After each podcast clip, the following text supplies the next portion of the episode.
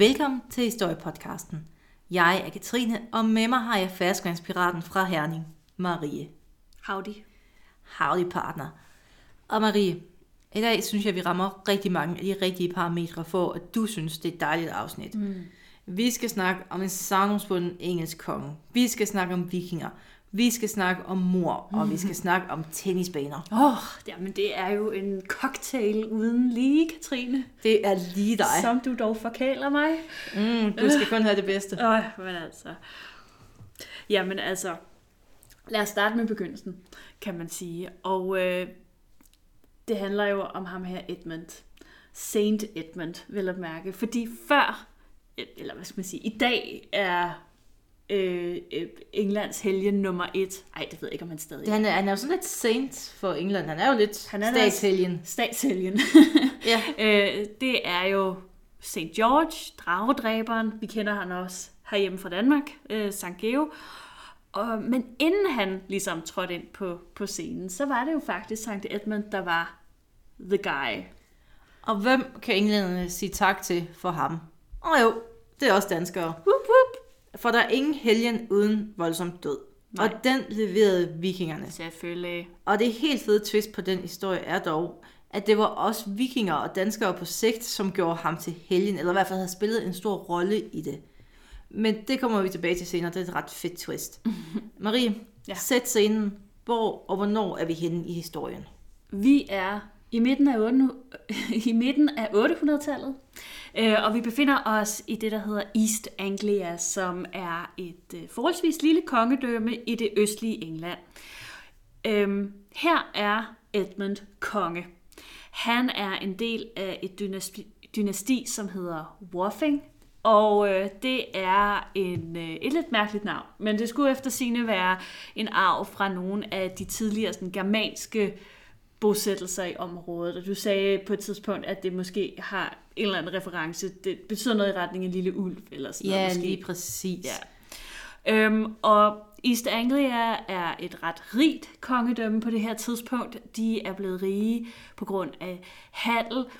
Og så har de også en række hellige steder. Man skal huske på, at på det her tidspunkt i England er de faktisk allerede kristne, selvom at vi er i en, over, en overgangsperiode, hvor at at det er sådan lidt med et ben i begge lejre, så har man altså øh, ja, hellige kilder og klostre og den slags, som folk faktisk valgfarter til for at besøge. Så alt i alt, East Anglia et godt sted at bo i 800-tallet. Lige indtil, at der kom nogen, man helst ikke vil have valgfartet til ens område. Ude fra øst, i midten af sådan 860'erne, der får de besøg fra øst, nemlig vikingerne. Og det får store konsekvenser for kong Edmund. Det er jo den her store hedenske her, som vi har talt om før. Ja, en gammel klassiker. En gammel klassiker. De synes, de skal tage en tur til England. Ud fra mønter og sådan andre arkeologiske kilder, så kan vi jo godt sige, at, at, Engl, at Edmund han var, han blev konge sådan nok i 850'erne på et tidspunkt. Midten. Regner man med. Ish, ja. Det er altid sådan dejligt. Ja, midten plus minus fem år. det er så tæt, vi kan komme på. Øhm, så den her forholdsvis nye konge, som han jo er på det her tidspunkt i, i, i 860'erne, øh, han skal navigere i, i nogle sådan ret voldsomme forandringer, som det jo medfører, at vikingerne, den storhedenske her, kommer til England. Og vikingerne gør, hvad vikingerne gør. De ankommer via skib, træder land, og de virker troende, og de får langt danegæld. Og danegæld, det er glorificeret beskyttelsespenge, hvor at en lille lokal konge får lov til at betale vikingerne penge eller andre ydelser, i bytte for, at vikingerne må bo der, uden han angriber. Og så skal de nok passe lidt på ham, eller lade være med at angribe ham. Altså, det er verdens dårligste handel. Altså det er jo også sådan, at, at i nogle tilfælde, at de simpelthen øh, bliver betalt for ikke at plyndre. Ja, og så gør de det lidt alligevel. Så gør de det måske lidt alligevel. Men Edmund han synes, det er en okay idé, han betaler sin danegæld i form af heste, og så lader han egentlig den store hedenske her slå sig ned i hans kongerige. Hestene, dem øh, bruger vikingerne jo så til at ride hen til et andet kongedømme på, øh, nemlig Mercia. Og her øh, går de så bare bananas øh, og plyndrer amok øh, i, i flere år faktisk. Ja, men ude godt hjemme bedst. De vil tilbage til East Anglia, hvor de jo har en lille form for base. Og den her tilbagevend, det bliver begyndelsen for, på enden for Edmund. For den store hedenske her, de går i krig med kongen af Essex. Hvor Edmund måske, måske ikke deltager, det er kilderne lidt uklar omkring. En ting, de ikke er uklare omkring, det er dog, at den store hedenske her på vejen tilbage til East Anglia plyndrer og brænder ting ned og går mok. Og det værste for Edmund i den her øh, destruktive tilbagetrækning, eller hjemtur, det er, at man også ødelægger klostre og andre hellige steder. Og det kan han jo som en kristen konge ikke lade stå til. Nej, fordi altså meget kan han tolerere, men man skal ikke pille ved Edmunds klostre. Nej, for hvis man er en konge indsat i Guds navn, så kan man ikke lade det ske. Det, er, det kan man simpelthen ikke lade fare. Så øhm, øh, da vikingerne ankommer tilbage til deres lejr i november 869, så beslutter Edmund sig simpelthen for at angribe dem. Og det er kilderne sådan, det er de ret sikre på. Ja, det er ham, der tager valget om. Det er, ham, der, ja. det er ham, der gør det. Og så bryder han jo den aftale, som ligesom er blevet indgået med det her dagen igen, kan man sige. Lige præcis. Og kampen går ikke Edmunds vej, og ved slaget ved Salford, der bliver han besejret. Ifølge de saksiske kilder, det er en lidt kort notits i avisen, det er, at Edmund her bliver overvundet, og Edmund dræbt. Punktum. Det var det. Senere kilder, der er nedskrevet faktisk 100 år senere, de fortæller dog en meget mere detaljeret og noget mere saftig historie. Oh yes. Øh, I 980'erne, der nedskrev en munk en historie for en biskop, som havde hørt den fra en gammel mand. Åh, oh, det er godt, det her. Jamen, tredje, fjerde leds Jamen, historiefortælling er de bedste Det kilder. er så godt. Ham her, den gamle mand, han skulle angiveligt have, have været ved hoffet øh, ved den, øh, ved den øh, daværende konge af Essex, som fortalte, nej, den nuværende konge af Essex, som fortalte om sin ungdom som en del af kong Edmunds her. Så vi er Det- altså ude i, En ven af en ven af en ven har hørt. ja, det må være godt for dit historiker hjerte. Det brister lidt lige nu. Ja. Den øh, gamle mand kunne fortælle, at Edmund under slaget besluttede sig for at øh, trække sig tilbage, simpelthen for at, at redde så mange af sine mænd som muligt, fordi det gik rigtig dårligt. Øhm, og så vidste han også godt, at i virkeligheden så var det jo ham selv, som vikingerne ville have. Ja, så han øh, trækker sig egentlig væk fra sin her og flygter syd mod et øh, hus, han har sydpå, der hedder Hegelston. Og her venter han på vikingerne. Her møder han så øh, to af vikingelederne, Ivar Benløs og hans bror Ubba. Vi har snakket om dem før. Mm-hmm. Og de vil jo gerne have, at kong Edmund bliver ved magten. Med et stort fedt men, der hedder, at han egentlig bare skal gøre, hvad vikingerne siger, så skal han nok få lov til at forblive konge med hovedet på skuldrene. Ja, og det er jo netop det, at alternativet er jo ligesom, at han ikke Bliver slået ihjel. Ja, så Ja. jeg tror, det var ikke svært at vælge. Eller var det? Måske, vi ved det ikke. Han, han vælger at slå til. Han vælger at, at, at blive i live. Øh, men han har en betingelse for de her vikinger, og det er, at de skal konvertere til kristendommen. En lille, en lille bøn. Ja, det er bare sådan en lille ting, du ved. Ja. Øhm, vikingerne, de siger nej tak på den eneste måde, som, som vikinger nu engang kan sige nej tak på, og det er med vold. Øhm, og øh, det øh, foregår ved, efter sine, at de simpelthen flår tøjet af Edmund. Af årsager, jeg ved ikke, hvor, hvad det skal Igen til for. ydmygelse. Jamen, ydmygelse, okay. Øh, så giver de ham nogle tæsk, og øh, til sidst så binder de ham til et træ, hvor de danske bueskytter simpelthen kan øve sig øh, på at skyde til måls efter den her engelske konge. Han dør ikke af det. Øhm, Man kan diskutere, hvad de sigtede efter, vil jeg sige. præcis. Eller Ja. om de bare var virkelig dårlige. Jeg tror, at øh, jeg kan godt forestille mig, at de ikke sigtede efter hjertet. Det kan godt være. Jeg forestiller mig, at de sigter efter noget længere nede. Igen, Okay. ydmygelse. Øhm, men øh, han dø- dør som sagt ikke af det, og øh, derfor så ender de med at hugge hovedet af ham og smide det i skovbunden. Så kongen jo ikke får en ordentlig begravelse. Og det var ret vigtigt. Det er altså også af for den, når man Jamen, det er, er jo en kristen igen, konge. man kunne jo godt lide statsledere generelt. Hvis de så skulle dø på en voldelig måde, så skulle deres lig også øh, mishandles, fordi så kommer man ikke helt ind i himmeriget, mm-hmm. hvis man kommer i himmeriget. Ja. I Rom var det jo en ul- ultimativ ydmygelse også at blive smidt i floden, når man blev slået ihjel. Ja. Så det, det er ikke noget nyt, men det er meget brutalt. Mm-hmm. Men historien den stopper ikke her. Nej. For bagefter, så bliver det endnu bedre. Edmunds folk, de vil jo gerne finde deres døde konge og begrave ham på en ordentlig måde, og det kræver ligesom, at man har hovedet. Så de går ud i skoven og leder, og det kan godt være svært at finde et hoved i en skovbund, har jeg hørt fra en ven. øhm, og lige pludselig så hører de en stemme lidt langt væk, der råber, her, her, her. Og de følger stemmen og kommer til en lysning i skoven. Og her ser de så et kongens afhugget hoved, der ligger mellem polerne på en kæmpe stor ulv. Og folkene de tager hovedet og bringer det tilbage til kongens krop. Og den der ulv, den bliver åbenbart lige pludselig helt tam og går med og passer på dem. Fordi grunde. Nå, de kommer tilbage og har hovedet og har kroppen. De prøver så at sætte dem sammen, og så, wow, det lader sig gøre. Hovedet sidder sig fast. Fuldstændig. Der er kun en lille rød streg, hvor hovedet blev hugget af, men ellers er kongen helt og flot og kunne blive begravet, blive begravet i helt stand. Men Katrine, det er jo et mirakel. Det er et mirakel. Det Man er skulle, et mirakel. man skulle næsten tro, det var en helgen for historie. Jamen, hvad, hvad skulle... Ej, men det er jo fantastisk. Mind Og meget realistisk. Ja, jeg, jeg, jeg kan ikke se nogen fejl i den historie. Overhovedet ikke. Det, og, her, og tak fordi I lyttede med. Ja, og det var det. Men vent, der er mere. Meget mere. Edmund blev begravet i et lille kapel i skoven, øhm, men allerede ret hurtigt efter hans død, så begynder folk at valgfarte dertil.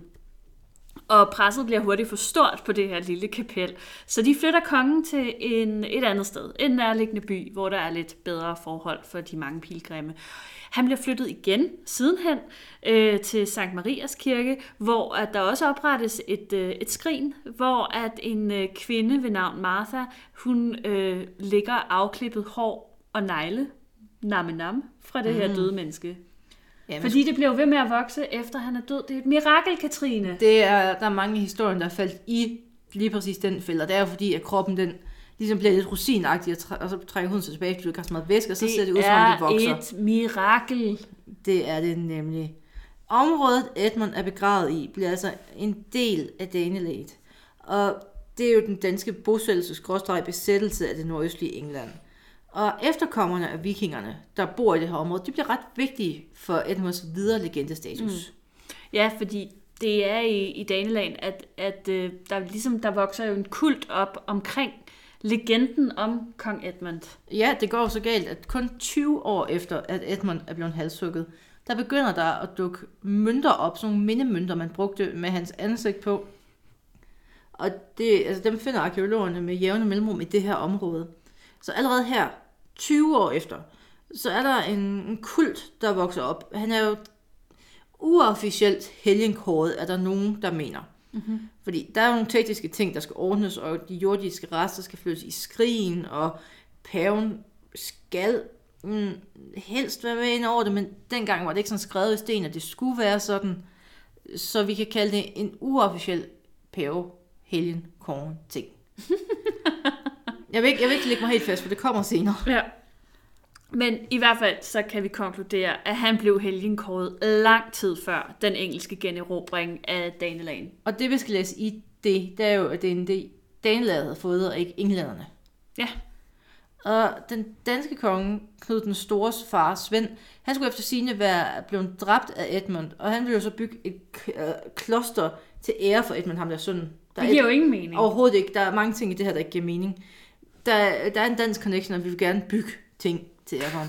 og det er jo magisk, hvordan de her mennesker, der er involveret i Edmunds liv, eller har været med til at slå ham ihjel, lige pludselig gør ham til en form for, ja, jeg vil næsten sige martyr, og bruger det i propaganda. Og i Norge, der begynder man også at bygge kirker til hans ære.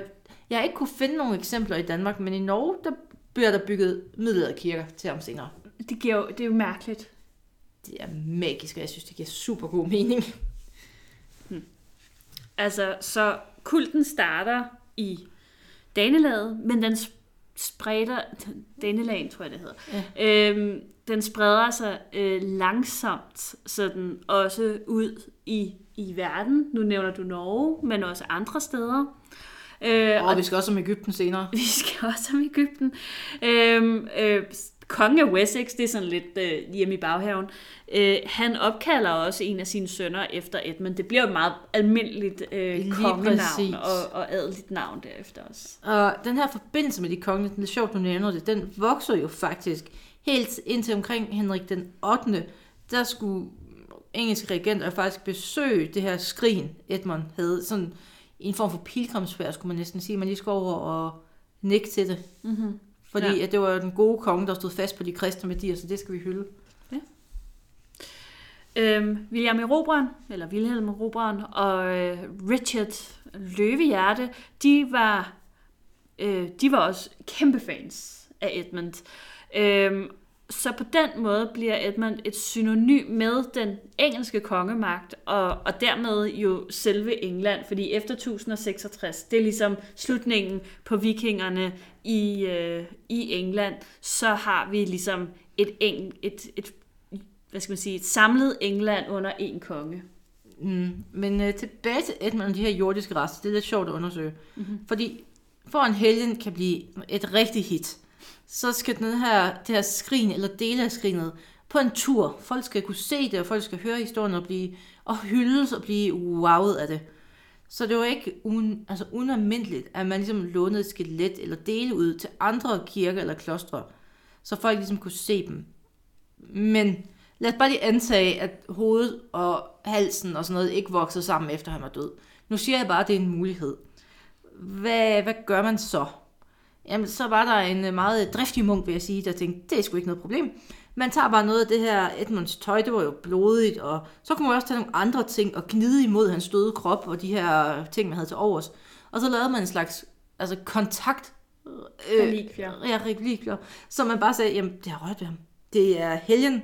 Så kan man bare sende det rundt. Så får man nærmest masseproduceret de her. Det er fandme smart. Jeg synes bare, det, det, det har altså, virkelig gode Det aspekter. er, øh, det er kapitalisme allerede i Mm, Nej, men han vil jo bare sprede det gode budskab. at tjene penge på det. Jamen, det gjorde han jo ikke. Det var bare at sprede det gode gud, altså budskab. Du tror ikke, at man tog penge for, at folk skulle komme ind og, og se de her relikvier? Jo, jo, jo. Og- Men han tog jo, altså ham her, han tog jo med på tur. Ja. Og øh, det gjorde han. Han øh, og så efterlod han også øh, de her... Øh, jeg tænker, jeg, nu har du ikke skrevet det eller sagt det nogen steder, men at jeg, jeg tænker, at den her gode munk, han har solgt de her relikvier. Ja, men godt være, han havde en nebengeschæft. Kontakt, kontaktrelikvierne, han har sagt, ved I hvad, I får det her har rørt ved Edmund.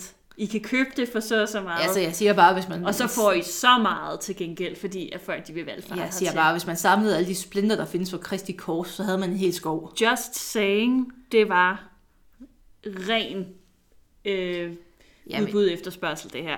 Øhm, men han efterlader en del af de her souvenirs, øh, både i Frankrig og i Tyskland og Italien. Og der var endda også øh, kontaktreligier, der endte i Tyrkiet og i Ægypten. det er jo så simpelthen øh, vores gode korsfar, der var ude og sprede det gode budskab på ja. en mere voldelig måde, som Ja. havde dem med rundt. Han, at, han var også et kæmpe hit, altså Edmund, Sankt Edmund, han var et kæmpe hit i Island og i Norge også. Som nævnt.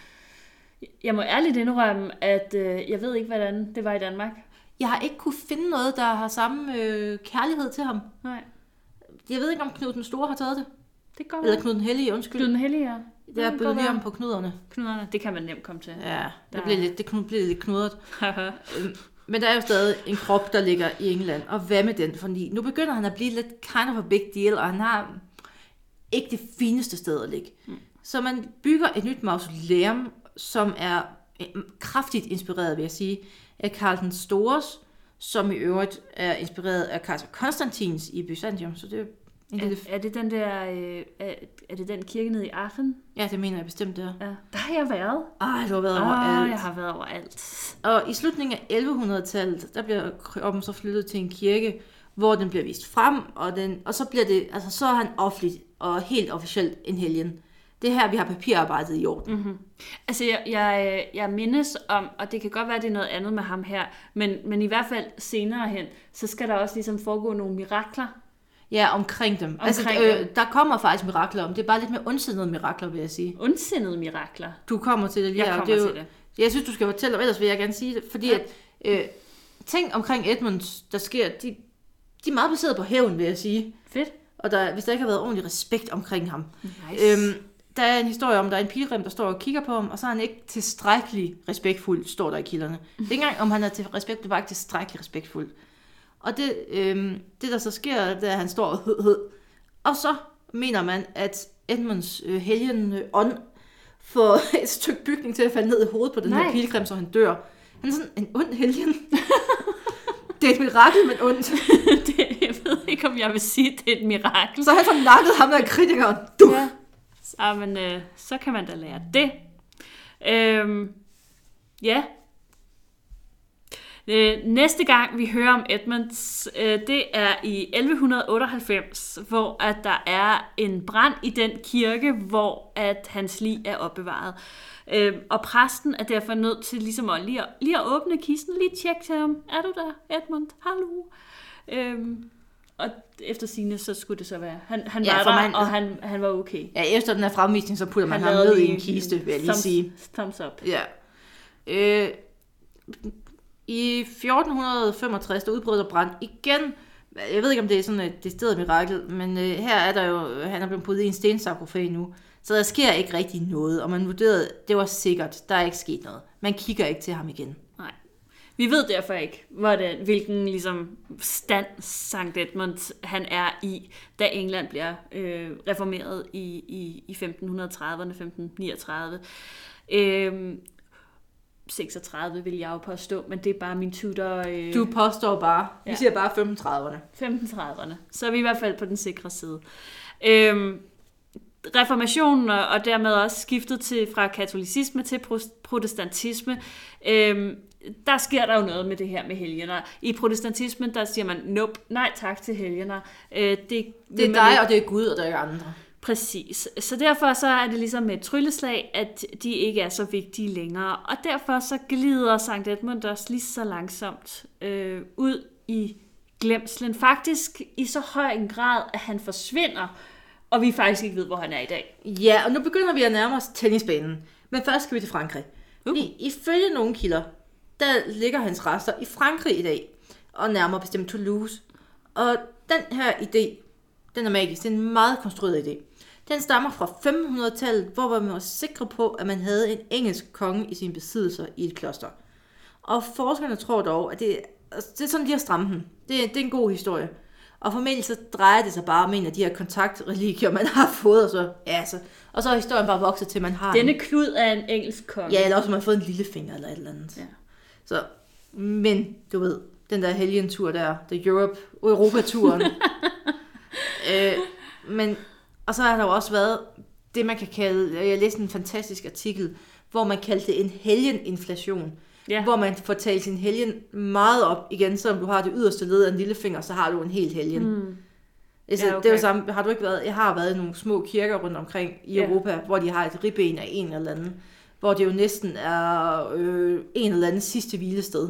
Mm. Så man kan godt Jo. talt det op, det og man som har. du selv nævnte før med, med splinterne fra, fra Jesu kors. Ja, Altså, som, som jo også, altså, så har man jo Jesu kors. ja, ja, eller en eller anden klud fra Jesu... Men måske er det i virkeligheden også en af hemmelighederne ved det der med at være helgen, at, at måske skal der ikke andet end et yderste lillefingerled til, før at altså, At magien så- er der. magien er der, det er tilstrækkeligt, Jamen, så det er jo- er helgen der. Ja, det er jo derfor, man deler dem op. Altså, der er jo, ja. Hvad er det, man har Sankt Knud? Er det ikke noget, man, man har jo ikke hele Sankt Knud i Odense. Nu, nu øh, bevæger jeg mig ud på noget, jeg ikke er helt sikker på. Men ja. var der ikke også noget med, at den katolske kirke ville have noget, man var ikke sikker, og det var et ribben, og jeg ved ikke noget. Jeg har ingen anelse. Hvis der er nogen, der ved noget om, om man har noget Sankt Knud i Odense, så øh, byd ind Fra Knotte Holy. fra Knat det Holy. Igen, den tur på Møntergården, lige før det blev renoveret, hvor der var en meget fynsk engelsk speaker, som brugte udtrykket knat det holy. det, det har brændt sig ind i min hukommelse for evigt. Knat det Holy. Holy. Jeg elsker Fynbord. Godt. Vi, er, vi springer en tur op i tid. Vi ja, for- er i 1600-tallet. Ja, Og øh, her bliver Toulouse ramt af pest, og man er desperate, som man jo bliver mange steder, når der øh, er pest. Og derfor vender man sig øh, til de højere magter, og det er også øh, ofte helgener, de vender sig mod, fordi det ved de ligesom, hvad er, og de mangler dem øh, i deres hverdag. Og i det her tilfælde, der, der tager man lige det, man har ved hånden, og det er tilfældigvis Sankt Edmund. Øhm, og efter at de ligesom begynder at bede til ham, så begynder tingene også at blive bedre. Det er et mirakel, Katrine. ja. Øhm, og så bliver man hurtigt enige om, han er, han er nu byens helgen, han er Toulouses helgen nu. Ja, Det er vores. det er sådan, det går. Øhm, og det kræver så en lille smule kreativ historieskrivning. Øh, og det outsourcer man til en jurist, øh, som kom frem til, at Louis den 8. på en tur til England i 1200-tallet plyndrede et kloster, et kloster og tog Edmund med hjem til Frankrig. Og grund til, at man nok vil sige, at det er kreativ historieskrivning, det er, du kan ikke rigtig bilde mig ind, at der ikke er nogen engelske kilder, der bare sådan, lige med en bisætning vil nævne, at der har været en klam franskmand forbi og stjålet nationalhelgen nummer et. Lige meget, om man er protestant eller ej. Det er en god pointe. Så altså, England og, og franskmændene er naturlige fjender, og jeg tror simpelthen, man lige vil nævne det i en forbigående sætning. Altså, vi ved jo også stort set alt, hvad, hvad svenskerne stjal under svenske krigene. Ja, hvilke springvand de har taget, og, Ja. Dronning Margrethe den førstes kjole, og ja, og hvor mange knapper, der var syet på. Og præcis, vi ved alt. vi er ikke smålige, men jeg ved det præcis. Vi, ved det, svensker, og vi kigger på jer. vi kommer Vi kommer efter og tager dig. dem. Og det er ikke en trussel. Det var en advarsel. Det var en advarsel. Et godt bud på, hvad der skete med Edmunds øh, krop efter reformationen, øh, det er, at øh, munkene, øh, som, altså, det er en helt anden historie, men munkene fik virkelig, virkelig travlt med at komme øh, væk, fordi at det, man gjorde, da man reformerede England, det var, at man lukkede alle klostrene, og det gjorde man ikke bare på sådan en lidt byråkratisk måde. Det gjorde man med vold og magt, og gerne nedbrænding, og faktisk lidt vikingemanér. Altså, man, det var... man øh, har set, hvad der virkede før i tiden, og så tog man en metode. der- det var ligesom- tried and tested. tried and tested. Og, øh, og, det, og det var meget voldsomt, og der var jo desværre rigtig mange, som, som døde. Og man skabte sådan nogle, det var faktisk ret vildt, fordi man skabte sådan nogle tiggerherrer af munke og nonner, fordi de havde jo ikke noget sted at gå hen, og de havde ingen ejendele eller værdier. Nå, men øh, de tager altså øh, værdigenstande, øh, de lige kan finde, og så gemmer de dem, så de ikke overgår til staten eller bliver ødelagt. Og vi har faktisk en kilde fra William Hitchcock, der var øh, oldebarn til en af munkene i klosteret, øh, hvor Sankt Edmund øh, var opbevaret. Ja, og igen så er vi ude i det, jeg vil kalde øh, historisk miskmask. Vi er på gyngende grund. Mm. Men ifølge ham, der gemte oldefaren og andre munke Sankt Edmund i en jernkiste og gravede den ned. Fedt. Problemet er, at vi ikke ved, hvor. Nej, vi ved ikke, vi ved ikke hvor de begravede øh, kisten. Det er heller ikke så vigtigt. Nationalhelgen nummer et. Hvorfor? Nej. Hvorfor? Det er, fordi ingen skal kunne finde ham. Nå, men når det nu var en jernkiste, så må vi jo gå ud fra, at i det mindste ikke har slæbt den særlig langt væk. Nej, den har været tung af helvede til. Ja, Øhm, og man kan sige, plus siden sådan, nu må du rette mig, hvis det er 1538, der var det jo fuldstændig forbudt for munken at bevæge sig væk fra klosteret. Så de havde, altså, de havde været en sådan incitament til at bevæge sig væk, og de måtte heller ikke. Mm. Så man må sige, det må være inden for det område, de kunne bevæge sig. Og så var der også lige lidt pest i omløb i det område, så de kunne jo heller ikke rigtig gå ud på en almindelig kirkegård, hvor der sikkert var fyldt med ulækre mennesker. så derfor havde man kun én mulighed.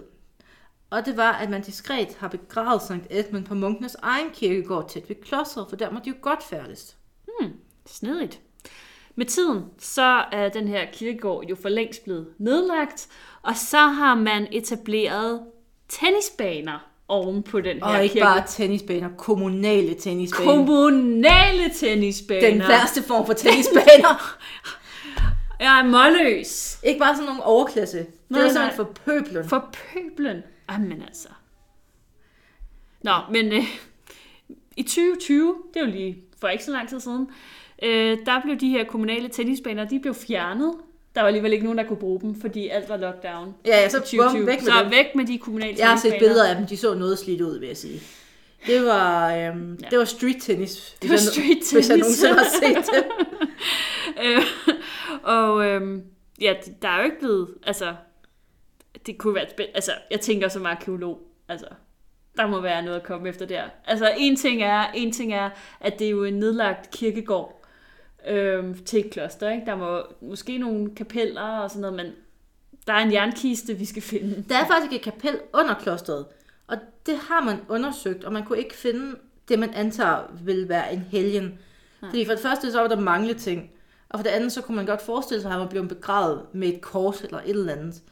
Der, man snakker om, at der var tilknyttet et guldkors af en vis størrelse til den der helgen. Mhm. Og man ville nok forestille sig, at det var blevet begravet sammen med ham.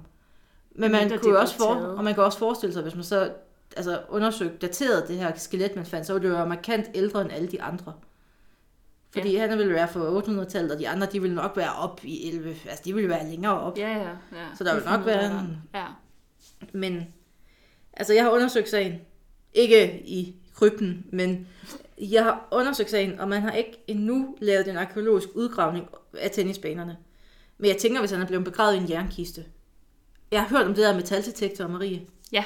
Skal vi en tur til England Men metaldetektor, med en metaldetektor og, øh, og lede efter en jernkiste på nogle nedlagte tennisbaner? det lyder som en fantastisk weekend. Ja. Um, altså, prøv at tænke, hvis man fandt en af de første altså, vigtige engelske helgener. Ja. Altså, man virkelig fysisk fandt det. Altså, det ville give et eller andet. Ham der, man fandt, Ja, Richard den, ja det var jo øh, Richard den 3. ja, den tredje. Ja. Øhm, han, øh, han var jo... Altså der, der, ja, nu siger vi, at han er begravet under en parkeringsplads. Det var han jo selvfølgelig ikke oprindeligt. Men, men øh, der var jo blevet lagt en parkeringsplads hen over ham, så det er jo slet ikke umuligt, at sådan noget som en kæmpestor helgen kunne ligge under nogle tennisbaner. Det ville være fedt. Prøv at tænke, hvis man fandt, har et blåtand under en fakta eller sådan noget. Det ville være fantastisk. Jeg tænker, det er lidt den samme, det samme level af mytisk historisk man vil... Øh, altså, ja, lockdown, Jim Lyngvild ville dø af glæde. han ville bare dø. Ja, han ville bare falde om. Bare, bare stå så stuk. Det ville være Ja, øjeblikket i hans... Øh, ja. det største øjeblik i hans liv. Der skulle vi lure på. Og med de ord, tak fordi I lyttede med.